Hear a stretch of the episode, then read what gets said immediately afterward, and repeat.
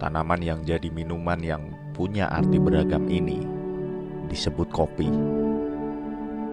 Ada yang mengartikan kopi dari pahitnya, bahwa yang terasa pahit nyatanya tetap bisa nikmat dengan atau tanpa gula. Ada yang mengartikan kopi dari warnanya, bahwa yang hitam nyatanya tetap bisa menjadi sahabat dalam suka maupun duka.